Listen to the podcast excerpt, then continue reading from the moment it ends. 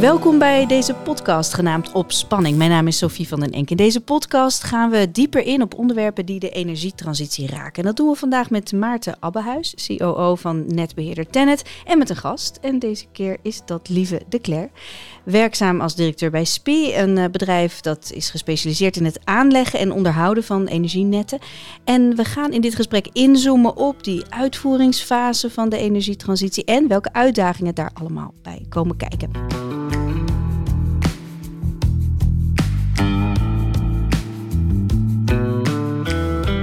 Eerst introduceer ik graag de gasten hier aan tafel. Om met jou te beginnen, Maarten. Jij bent de Chief Operating Officer bij Tennet, de landelijke beheerder van het hoogspanningsnet. Kun je kort vertellen wat jouw rol is bij Tennet? Ik loop al een tijdje mee bij Tennet en sinds januari 2021 zit ik in de directie. En daar ben ik operationeel verantwoordelijk um, voor zowel Tennet Nederland als Tennet Duitsland. Nou, en Tennet is een geweldig bedrijf. Wij zitten in, de in het midden van de energietransitie. En onze wettelijke taken zijn dat we alle opgewekte elektriciteit brengen van waar het opgewekt wordt naar waar het verbruikt wordt. Nou, dat doen we met ons bestaande net, maar we investeren ook heel veel in het toekomstige net. En we hebben een aantal buitenlandverbindingen, omdat we ook met elkaar in Europa hebben afgesproken dat we het net samen altijd aanhouden. Ja. Nou, dat doet Tennet ook. Ja, en daar ben jij verantwoordelijk uh, voor op dat operating niveau dus. Ja. Een uh, spannende baan. Hartstikke leuk. Ja. 24 uur per dag. Ja, zeker. Um, Lieve, jij bent de bestuursvoorzitter bij SPI. Kun jij in een paar zinnen vertellen wat jouw bedrijf precies doet? Ja, met plezier. En ja, ook hier, hè, dankjewel voor de uitnodiging. Ik vind het heel mooi dat we op deze manier met elkaar in gesprek mogen gaan. SPI is een uh, multitechnische dienstverlener. Dat is een klein woord om eigenlijk te vertellen dat we specialist zijn in het aanleggen, het onderhouden, het ontwerpen van elektrische, mechanische en connectiviteitsinstallaties. Wow. In eigenlijk zowat alle markten die je kunt voorstellen. Dus we zijn sterk in uh, hoogspanning, in energietransitie inderdaad. We zijn aanwezig in de domeinen van de infrastructuur, dus bruggen, tunnels, sluizen, alles langs de Ottersnelwegen. We zijn heel sterk in hetzelfde brede gebied, in alles wat je maar industrieel kunt bedenken. Dus de petrochemie, maar ook verpakkingslijnen, machinebouw, uh, food en pharma, dus heel breed. En alles wat met complexe gebouwen te maken heeft. Hmm. Dus eigenlijk overal waar technieken essentiële rol speelt, vind je ook SPI. Um, ja, de kop uh, is er uh, een beetje af, maar om er extra in te komen, dan beginnen we ook altijd met een paar stellingen. Dus mag ik om te beginnen jullie vragen of je met uh, ja of nee wil antwoorden en dan een korte reactie. Dus dit is de uitdaging. Hè? in de loop van het gesprek komen we dan uitgebreider terug op alles wat we dan nu bespreken. We hebben in Nederland genoeg mensen en materialen om al het werk uit te voeren. Lieve. Ja. Nu ja. Nu ja, maar straks? Als het echt volle bak gaat beginnen, dan niet. Oké, dus het is nog niet volle bak begonnen? Nee, zeker niet. Oké, eh, spannend. Er moeten meer innovaties komen, want met alleen kabels en masten gaan we het niet redden, Maarten. Eens. Ja? Ja, nou ja, we moeten veel breder kijken. En het gaat natuurlijk niet alleen maar om infrastructuur. Het uiteindelijke doel is CO2-reductie. Um, en dat kunnen we niet alleen oplossen met meer infrastructuur. Daar zullen we ook echt innovatief bezig moeten zijn om het bestaande net beter te benutten. Maar ook om met innovatieve marktideeën te komen. Zodat we ook het gebruik van elektriciteit in de toekomst veel meer mee laten bewegen op de beschikbaarheid van bijvoorbeeld wind- en zonne-energie. Hmm, dus een deel van de oplossing zit in dingen die nog bedacht moeten worden. Jazeker. Ja. Um, volgende. We praten te veel en doen te weinig, lieve. Ja, absoluut absoluut. Het is heel slecht dat we nu een podcast maken, hè? maar ja. Vandaag de dag uh, hebben we heel veel mensen die praten, heel veel mensen die op bureaus zitten. We hebben ongeveer dezelfde hoeveelheid mensen buiten werken. Maar we hebben veel meer mensen aan het werk. Ja, precies. Dus die, we moeten ook mensen buiten aan het werk hebben om het allemaal voor of minder mensen binnen. ja, dus uh, we gaan straks naar buiten. Um, veilig werken krijgt voldoende aandacht in de energietransitie, Maarten.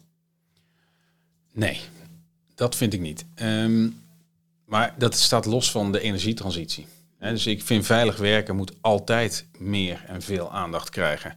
Want ehm, er is geen één baan zo belangrijk dat je daar enige vorm van beschadiging of incidenten uh, krijgt. Hè, of dat je daarmee geconfronteerd wordt.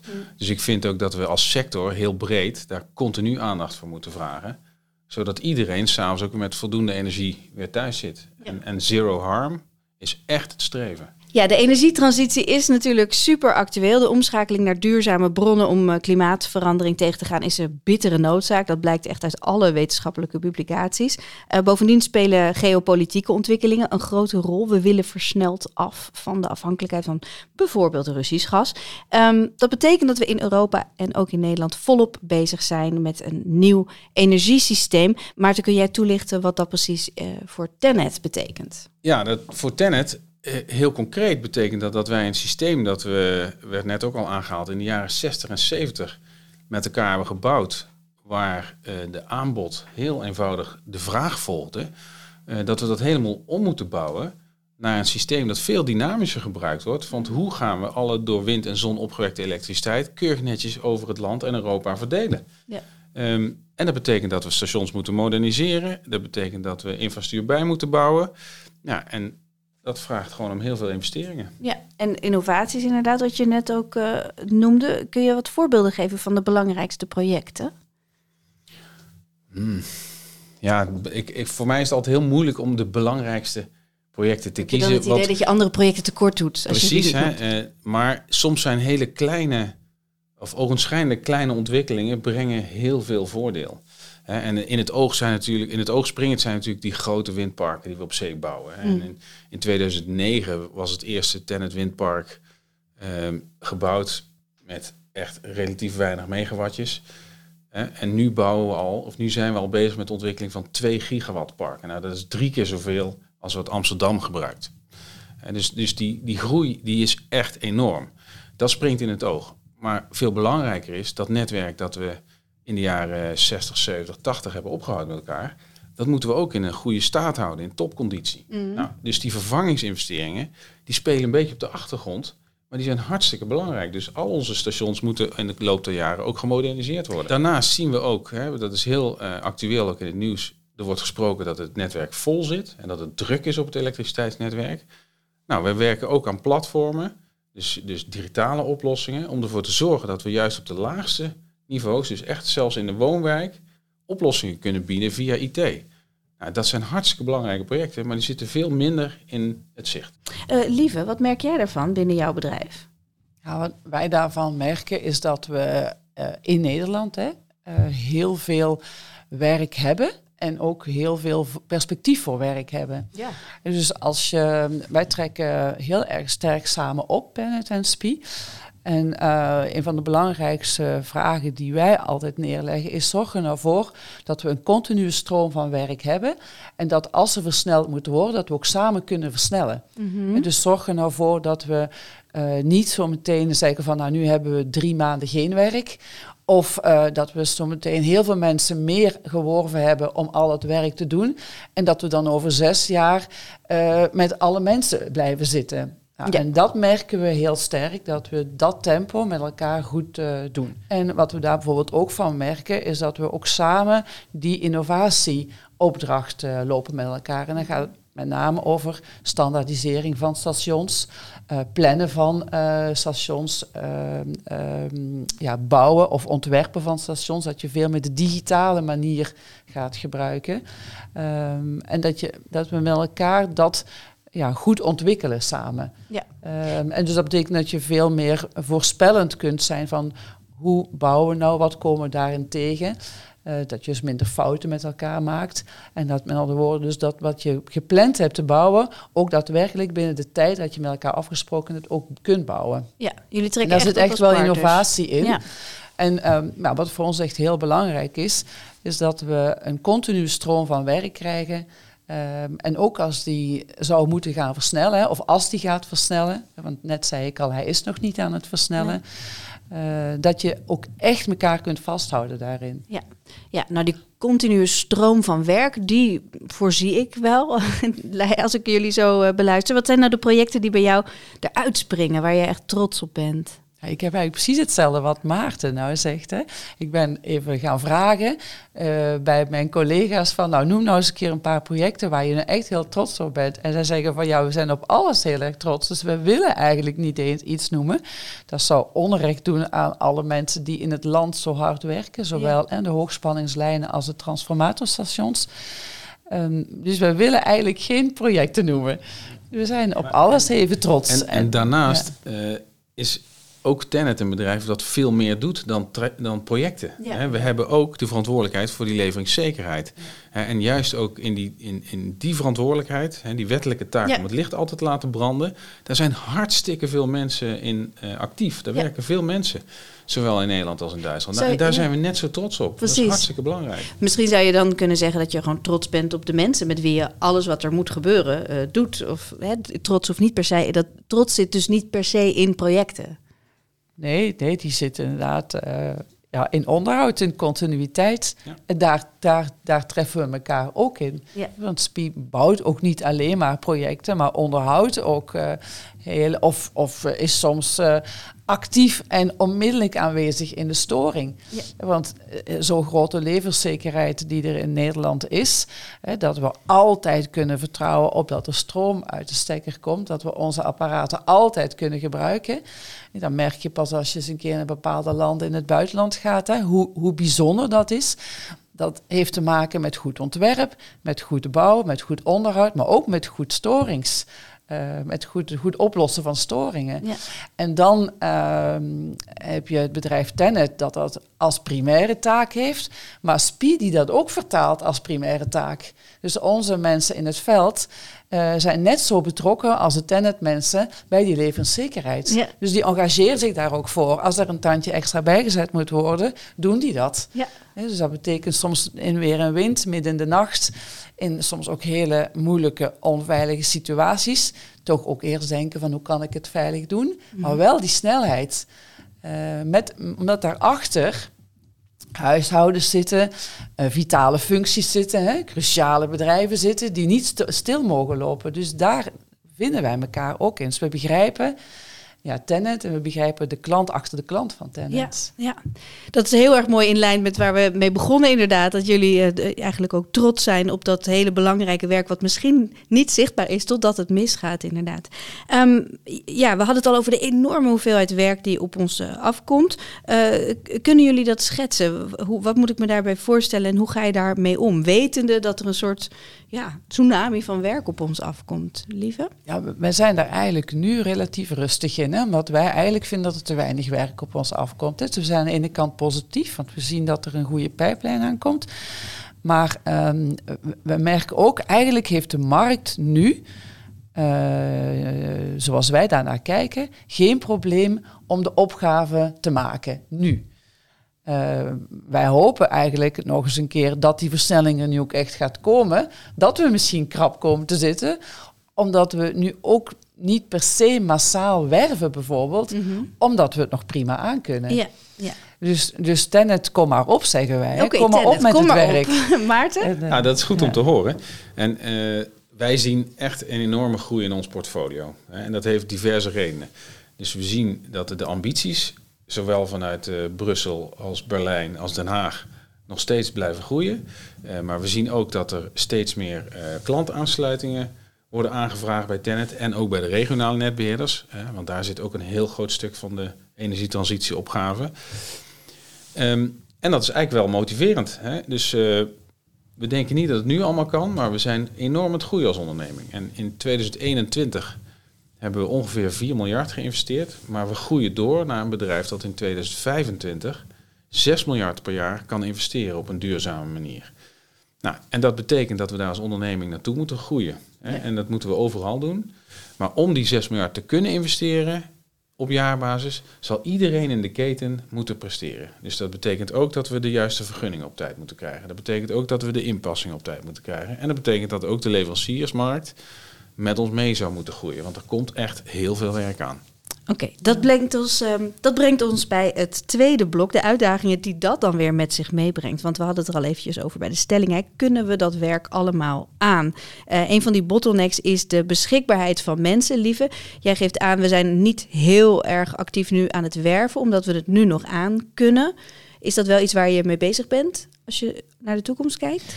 Ja, we zijn daar, we zijn daar heel intensief mee bezig. Dus wij, wij, zijn, wij moeten het op onze schouders nemen dat we zometeen niet nee moeten zeggen aan Tenet als, uh, als inderdaad de opgave echt loskomt. Hè? Als de versnelling echt gaat komen. Hoe kan je daar nou voor sorteren? Door, door um, aan de ene kant, wat ik net al zei, te investeren in die standaardisering en innovatie, zodat je ook sneller zou kunnen ontwerpen en sneller kunt bouwen. Um, en door intern op te leiden, door onze eigen opleidings, eh, opleidingenprocessen sneller te laten lopen. Maar de markt en de aannemerijmarkt, of de installatiemarkt, is volgens mij altijd wel gebleken om redelijk flexibel te kunnen, kunnen omgaan daarmee. Ja. Um, ja, het is een beetje een kip-en-ei verhaal. Hè? Um, dus ik kan daar nu niet echt concreet op zeggen van, ja, morgen hebben we natuurlijk geen vat van 100 mensen beschikbaar, maar zo snel gaat het ook niet. Ik zou liever hebben dat we morgen wel dat probleem hebben, of dat ik nu dat probleem heb. Want dat zou betekenen dat die versnelling dus aan het, uh, aan het gebeuren is. Ja, maar tegelijkertijd is het ook een gesprek dat we met Tenet hebben. Um, Laatst sprak ik een lijnwerker. Er zijn mensen die uh, hoog in de, in de lucht, hè, die hoogspanningslijnen trekken, hè, die grote dikke elektriciteitskabels trekken. Die zei, vroeger had ik een vrij beroep, zei hij. Vroeger, um, hè, ik weet wat ik technisch moet doen, ik weet hoe ik dat veilig moet doen, ik hou mij er ook aan al die regels. Vandaag de dag, zegt hij, heb ik allemaal mensen om mij heen die mij controleren. Oh. En uh, zegt hij, en dus ik heb geen vrij beroep meer, maar het werk, het technische werk, is hetzelfde werk gebleven. Dat zeggen wij ook, en dat is proberen we het gesprek ook met Tenet aan te gaan. Er zitten vandaag de dag meer mensen binnen dan dat er buiten zijn. Het moet omgekeerd geraken ja. zijn. Dus we vandaag de dag zien dat er heel veel papierwerk moet gebeuren. Mhm. Heel veel uh, bewijsvorm moet plaatsvinden. Heel langzame processen zijn, ook in de vergunningswereld. Het is echt heel raar. Hè? We bouwen nou, een, een, een, een groot onderstation, of een groot uh, transformatiestation, die bouw je in een jaar, anderhalf, jaar kan je die wel bouwen. Maar we zijn tien jaar bezig met vergunningen, uh, met regels, met obstructie van de omgeving. Hè. Dus we willen allemaal energietransitie. Maar de discussie gaat niet gaat alleen maar over meer mensen, maar gaat ten nauwe nood over de procedurele kant. Ja, ten het groeit van 6.000 eh, naar 10.000 medewerkers over de komende jaren. Gaan die allemaal binnen of buiten zitten? Dat is een goede vraag. Onze ambitie is dat het grootste deel daarvan echt buiten gaat werken. Dus wij willen investeren, uh, ook in de mensen die daadwerkelijk de energietransitie vorm gaan geven. Die lijnwerker. Bijvoorbeeld, hè, of, de, of de engineer, of de onderhoudsmonteur, of de vakbekwaam persoon. En, um, maar dat betekent niet dat we niet zonder die ondersteunende diensten komen. Want ook in, het wet en regelge in de wet en regelgeving, in de regulering, is het inderdaad complexer geworden. Dus de beweging uh, die Lieve aangeeft, die herken ik ook bij Tenet. Um, maar de focus ligt bij ons op de groei en de uitvoering van de organisatie. Dus focus dat we meer performance kunnen leveren met z'n allen. Nou, en het is inderdaad, inderdaad een behoorlijke groei hè, wat je aangeeft, van ongeveer 6000 mensen naar ongeveer 10.000. Het gaat eigenlijk niet om de mensen, maar het gaat om, wij willen 6 miljard per jaar kunnen investeren. Maar die groei die kennen we eigenlijk al langer. Want toen ik bij Tenet kwam werken, werkten er ongeveer 800 mensen. Ja. Oh. En dus we groeien echt al een behoorlijke lange periode. En hoeveel vacatures hebben jullie op dit moment? Op dit moment hebben wij ongeveer 200 vacatures. Oh ja. En dat is, uh, dat is goed en dat, dat, dat houden wij ook zo. Dus we laten dan ook gestaag vacatures los, hè, zodat we de continu op een goede manier daar kunnen zoeken. En dat doen we heel internationaal, want we zijn niet alleen actief in Nederland, ook in Duitsland. En we hebben nu zelfs al meer dan 60 nationaliteiten bij Tenet werken. Zo. En dat betekent ook dat we in een wat bredere talentvijver kunnen vissen dan alleen maar in Nederland. Laten we het ook nog even hebben over materiaal. Uh, want ja, als je daarover leest, denk je, dat is wel een probleem over de komende jaren. Er moet toch een heleboel gemaakt en gebouwd worden. Waar halen we die materialen uh, vandaan, gezien ook de mondiale ontwikkeling? Hoe zien jullie dat? Ja, wij volgen dat nu echt op de voet. Uh, en zeker gezien de ontwikkelingen in Rusland en Oekraïne zien we dat bijvoorbeeld de staalprijs. Hè, Mhm. Niet alleen door de ontwikkelingen van de economie, hè, dus we groeien behoorlijk wereldwijd, maar ook door dus frictie in, eh, in Rusland en Oekraïne, dat die staalprijs behoorlijk beïnvloed is. En eh, als je ziet dat wij alleen al eh, meer dan 50 transformatoren nodig gaan hebben die voor een heel groot deel uit staal en koper bestaan, zien we gewoon dat de prijsniveaus enorm gaan stijgen. Ja. We kunnen alleen niet, net zoals een commerciële onderneming, denken, nou dan stel ik het maar even uit. Die energietransitie, die moeten we in 2030 voor een groot deel van elkaar hebben en in 2050 helemaal. ja, dus wat Dus zijn dan de kunnen- oplossingen? We kunnen dus niet vertragen daarin. Eh, en dat betekent dus dat we ook echt na moeten denken met de overheid over hoe we niet alleen de duurzaamheid op het, op de, op het radar houden, maar ook de betrouwbaarheid en de betaalbaarheid. Ja, en dat het af en toe een impact zal hebben op de prijzen en op die de consument voor elektriciteit en het netwerk betalen. Ja, dat is onvermijdelijk onder deze omstandigheden. Ja. ja, en dat is natuurlijk wel inderdaad een pijnlijk verhaal. Hebben jullie al creatieve oplossingen voor eh, het materiële vraagstuk? Nee, wij zien precies hetzelfde. Hè. Wij volgen dat ook op de voet. En ehm, ja, het enige wat wij nu kunnen doen, en dat is precies wat Maarten zegt, is dat we vertalen dat in dagprijzen. Hè. Dus het partnership hierin is dan wel positief. Hè, dat men begrijpt dat je dit in dagprijzen moet vertalen. En dat vertaalt zich inderdaad automatisch in een hogere, hogere prijs. Ehm, ja, oplossingen die je, die je kunt hebben, is proberen dingen vast te leggen. Dat je in ieder geval de capaciteit hebt. Ehm, maar je moet inderdaad op dit moment de prijs moet je loslaten. Ja, Want als je denkt in prijs en in capaciteit, ja, dan zou je de capaciteit niet krijgen. ja dan wordt het een onmogelijke En, eh, puzzel. We moeten nu ja. gewoon aanvaarden dat die prijzen gewoon eh, hoog zijn Ja, en blijven. Ja, en, en dan, dan zijn je, ben je als tennis, hè, want dan praat je over veel, veel meer een wereldwijde markt. Hè, staal, maar ook de producenten eh, die iets met die staal doen, hè, die dat dus weer verwerken in zeg maar, die machines die die transformatoren uiteindelijk zijn, daar zijn er ook geen wereld eh, meer van. Hè. Daar, zijn er, daar zijn er beperkt hoeveelheid van. En die hebben het op dit moment ook voor het uitkiezen. Hè. Dat is misschien een beetje zwart-wit geformuleerd, maar Maar ja, we worden aan de andere kant ook ja. weer geconfronteerd met hele hoge elektriciteitsprijzen. Prijzen, ja, dus ja, ja. ook de kostprijs gaat omhoog, maar hun afzet is wel gegarandeerd. ja, gegarandeerd. Wereldwijd. Ja. En, eh, uiteindelijk vertaalt zich dat in eh, de prijs van elektriciteit bij de consument. En ik denk dat we daar eh, toch een para- paradigma shift hè, zullen moeten open vizier aangaan. De wereld elektrificeert. De hoeveelheid prijs, kost die je betaalt in je huishoudelijk budget voor die wens, die duurzaamheidswens, hè, die wordt hoger. ja. En dan, dus je zult ook, en dat is misschien ook een overheidstaak, hè, bewust moeten worden. ah, We willen met elkaar verduurzamen, daar is geen discussie meer over. In Nou, ik ieder geval denk niet op- in op- West-Europa. Op huishoudelijk niveau Nee, denk en ik wel hoor. Ik denk dat er toch nog veel consumenten zijn die zeggen: Ik heb helemaal geen duurzaamheidswens. de- de- de- ja. Nou, dat weet ik niet. Dat weet nou, niet. ik weet het wel hoor. Ja, oké. Nou, nou ja, dat dat, dat dat is- ondertussen wel geland is. Hè. Ja. Ik, eh, ik kan me wel voorstellen dat, dat op huishoudenniveau niet iedereen begrijpt wat de impact op de infrastructuur is van die duurzaamheidswens. Ik denk dat daar misschien nog wel een gat zit, maar dat we, dat we met z'n allen moeten verduurzamen om een betere wereld achter te laten of, of te stabiliseren.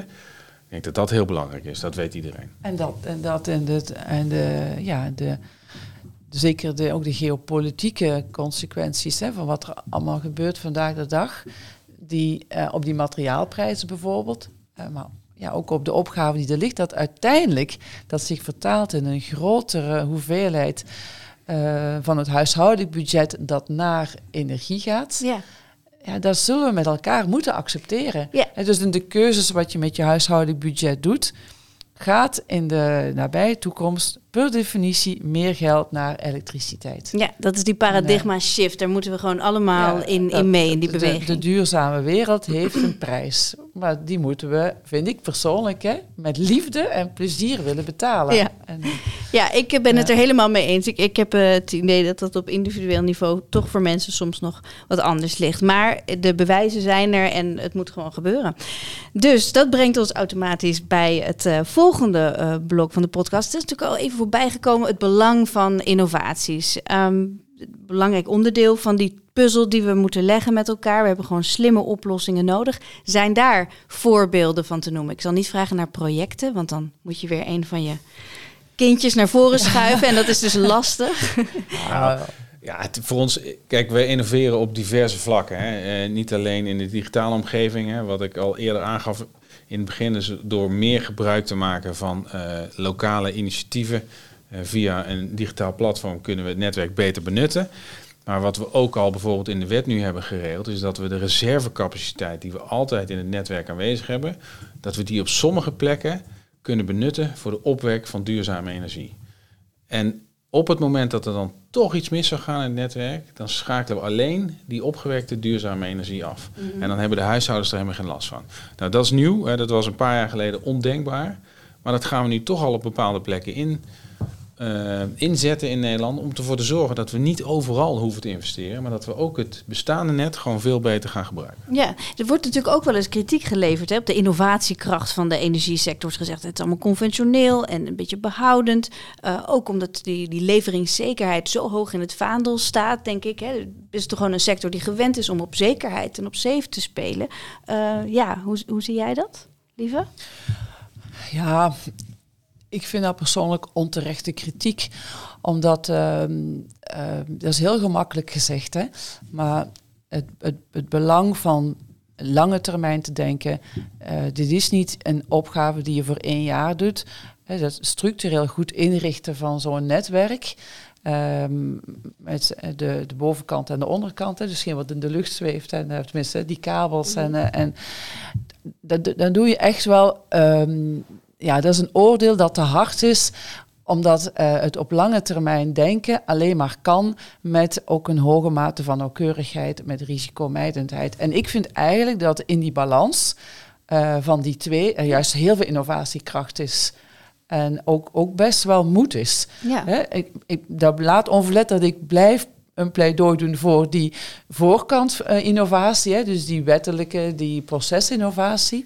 Maar als je kijkt naar hoe ingewikkeld dat is, hè, dan moet je echt wel daar met heel veel eerbied naar kijken. En dan is er dus juist heel veel innovatiekracht. Daar heb ik echt wel ook respect voor. Hoor. Ja. Ik ben het daar ook echt mee eens. Dus, dus, dus we zijn, we ogen misschien wat traditioneel, hè, omdat we echt die leveringszekerheid hoog willen houden en daar ook een bepaald gedrag in laten zien. Hè, maar dat is wel goed voor ook de welvaart en alle consumenten. Maar als je ziet wat er de afgelopen 10, 12 jaar gebeurd is in het energielandschap, dan kan niemand zeggen dat wij niet innoveren. Ja. Dus het eerste windpark was, als ik me niet vergis, rond de 60 megawatt. En nu bouwen we ze al van 900. En in Nederland rollen we ze van 700 megawatt uit. Nou, en we gaan naar 2 gigawatt. Dat is enorm veel. Dat zijn hele steden die we in één keer van elektriciteit voorzien. Ja. Daarnaast hebben we in de laatste jaren ook het hele Europese energiemarkt aan elkaar gekoppeld. Hè, waar we voorheen alleen met een paar buurlandjes handelden, handelen we nou met heel Europa. En alle capaciteiten worden volledig automatisch berekend elk jaar, wat we veilig aan de markt kunnen geven. Nou, dat zijn innovaties die echt voor de consument niet zichtbaar zijn, maar die in het energielandschap hartstikke belangrijk zijn. Ja. We hebben het uh, tot slot over uh, veiligheid. Veilig werken. Het komt ook al een paar keer uh, voorbij natuurlijk, het belang daarvan. Um, ja, jullie beide organisaties besteden hier natuurlijk veel aandacht aan. Dat, dat lees ik in jullie jaarverslagen. De snelheid van de energietransitie, die kan wel op gespannen voet staan natuurlijk met, die belangrijke, met dat belangrijke thema van veiligheid. Hoe kijken jullie hiernaar? Nee, dat absoluut niet. Dat mag niet op gespannen voet nee, staan dat natuurlijk. Zal dat, zal, dat zal ook niet. Dat, dat, dat zou nogal maar bijzonder zijn. Dat de snelheid um, vertraagd wordt door onze wens voor veiligheid. Mm. Daar ben ik het echt totaal niet mee eens. Nee. Aan de ene kant ben ik het 100% mee eens dat je daar compromisloos uh, in moet staan. Dus veiligheid is altijd het allerbelangrijkste. Uh, maar ook daarom het organiseren, of daar rond het organiseren van die uh, processen rondom veiligheid. Dus goede procedures, goede risicoanalyses, mensen goed meenemen, weten mensen wat ze moeten doen en gedragen mensen zich daar ook naar.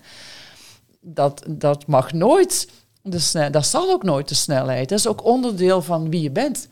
En eh, of je nu binnen of buiten werkt, hè, binnen betekent dat, dat je het inricht zodat het ook veilig kan. En buiten betekent dat je, dat je de procedures kent, dat je de risico's blijft zien en dat je je daarna gedraagt en dat mensen elkaar leren aanspreken.